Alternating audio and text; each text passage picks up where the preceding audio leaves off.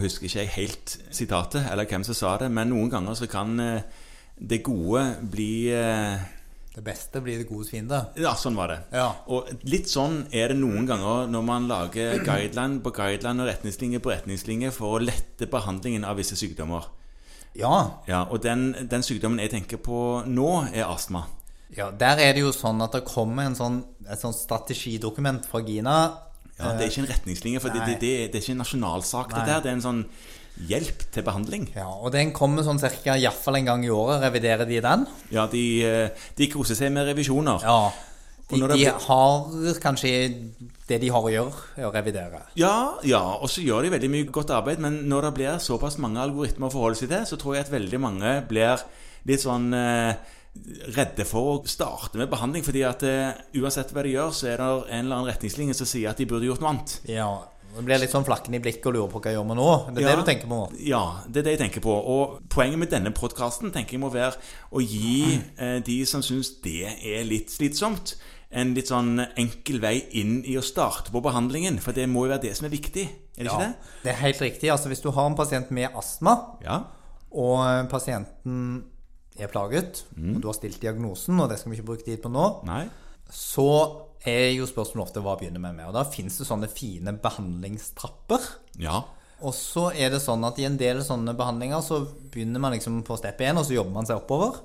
Og så er det at i astma fremstår det av og til litt merkelig. Og nå har Gina egentlig rota det litt til for oss igjen med å revidere den her eh, prosedyren. Så de har lagd to løp. ja. Men kan ikke du koke dette ned til noe som går an å forholde seg til? Ja, og da tenker jeg at de har lagd et anbefalt løp, og så har de lagd et alternativt løp. Og da tenker jeg, for oss som ikke skal kunne alt på fingertuppene, så kan vi forholde oss til det anbefalte løpet. Ja takk. Det er ett løp. Ja. Eh, og da sier de som så at når du har stilt diagnosen, og hvis pasienten da har daglige symptomer, eh, våkner om natten minst en gang i uken, Ja. og har eh, nedsatt lungefunksjon, altså at det er utfall i spirometrien ja, det har du jo funnet, da, hvis du har stilt diagnosen ofte. Ik- Ikke nødvendigvis, du kan ha stilt den bare på anamnese. Ja, det er sant. Så anbefaler de å gå inn på det som egentlig er steg fire i behandlingstrappen, Ja. som er en moderat dose inhalasjonssteroid og formoterol i kombinasjonspreparat. For motor, altså LABA.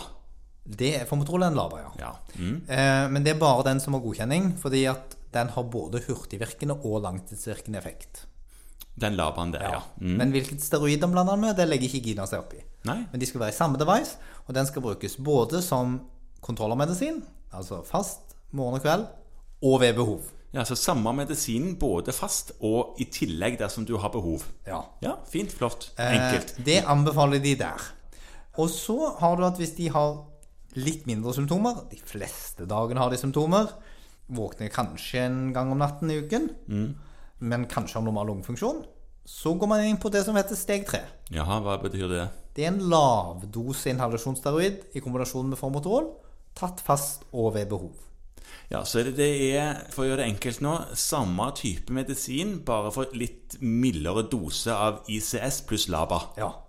Så det gjør det jo veldig mye lettere. Hvis, Hvis man du ikke forholder deg til det, at du skal gi Ja. ICS pluss formoterol, enten i moderat dose eller i lav dose, Mhm. eller hvis de har symptomer ikke hver uke, Mhm. men fortsatt åpenbart har en nydiagnostisert astma, så kan du gi de bare ved behov. Ja, sant. Fortsatt ICS formoterol, bare ved behov. Ja. Og så kommer det aller, aller viktigste, og det er å ta de tilbake igjen til kontroll. Ja, ja. Mm. For det må man ikke glemme. Når du starter en behandling, må du ta de tilbake til kontroll. Evaluere med, et, eh, med en astmakontrolltest hvor mye symptomer de har. Ta ny spiro. ja. Så det du sier nå, for å koke det ned til noe som det går an å forholde seg til, det er at du starter en ny pasient du har på kontoret som du har stilt diagnosen astma, så starter du med ICS for Motorol i kombinasjon et eller annet sted med en eller annen dose, tar tilbake kontroll og doserer opp eller ned ved behov. Ja. Sant? Så lett. Så lett kan man gjøre det. Ja. Og så tenker jeg at hvis man begynner der, så kan man lære seg den mer avanserte veien etterpå. Ja, hvis det er behov for det. Når man har fått trening. Når man får trening, og hvis hun skal liksom høyere opp i behandlingstrappene, hvis man må trappe mer og mer opp, så introduseres det litt andre typer medisiner òg. På, på step 5 så introduseres det alt det andre som du har hørt om. Altså da Montelukast, og biologiske legemidler og lamaer og alt dette, da bør man egentlig begynne å konsultere en lungespesialist. Ja. Eh, fordi at da begynner behandlingen å bli avansert. Og den vanligste grunnen til terapisvikt er jo at pasienten ikke får til å ta disse medisinene. Ja. Og det, det kan være at innenfor dette sporet som vi nå har snakket om, som da Gina sier er det anbefalte sporet, Mm. første sporet, at du ikke finner en device som pasienten håndterer. Da må du kanskje bytte over til noe annet. Får vi Ja. ta i en annen podkast. Ja, det får vi ta, ja, men for det er òg litt viktig. For disse de- devicene de er jo òg si, blitt utsatt for generiske bytter. Ja. Men det har vi snakket om Det før. har vi snakket om før. Og jeg tenker at det som er viktig å si nå, er at dette er det som de sier er det første løpet. Og jeg tror at det kan være en grei plass å begynne for de som ikke kjenner at de har kjempemye erfaring med det. Eh, Men ta de tilbake til kontroll. Se om det funker. Hvis det ikke funker, finn ut om de kan ta medisinen sin, om de klarer det. Og hvis de har problemer med det, så finnes det masse gode devicer, også innenfor løp to, som kan gi de pasientene som da ikke er kontrollert her, god astmakontroll, hvis du bare får bytta de over på en behandling som passer.